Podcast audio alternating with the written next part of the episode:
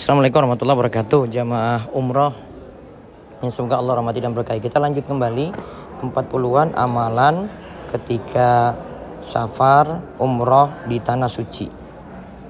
Jangan sampai tinggalkan sholat sunnah fajar.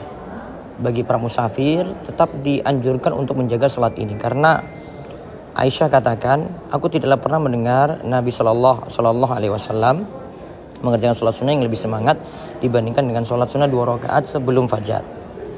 Ibnu Qayyim katakan termasuk di antara petunjuk Nabi Shallallahu Alaihi Wasallam ketika bersafar adalah mengkosor sholat fardu dan beliau tidak mengerjakan sholat sunnah rawatib qobliyah dan dia. Yang biasa beliau tetap lakukan sholat sunnah witir dan sholat sunnah fajar qobliyah subuh.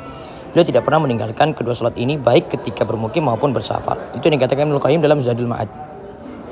Nabi Shallallahu Alaihi Wasallam begitu perhatian pada sholat sunnah fajar karena keutamanya yang luar biasa.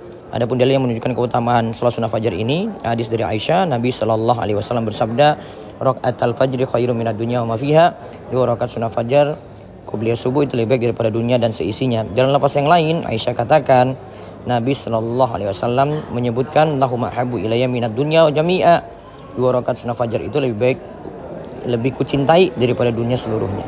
Apa maksudnya lebih baik daripada dunia dan seisinya? Yaitu sholat sunnah fajar lebih baik daripada harta, keluarga, anak, dan perhiasan dunia lainnya yang seandainya manusia memiliki semuanya tetap masih kalah dengan keutamaan sholat sunnah fajar. Kebahagiaan akhirat tentu lebih utama daripada kebahagiaan dunia karena akhirat itu kekal sedangkan dunia itu akan fana. Semoga bisa merutinkan sholat sunnah fajar ini dan kita mendapatkan pahala yang besar termasuk juga ketika safar bisa dirutinkan. Allahu yubarik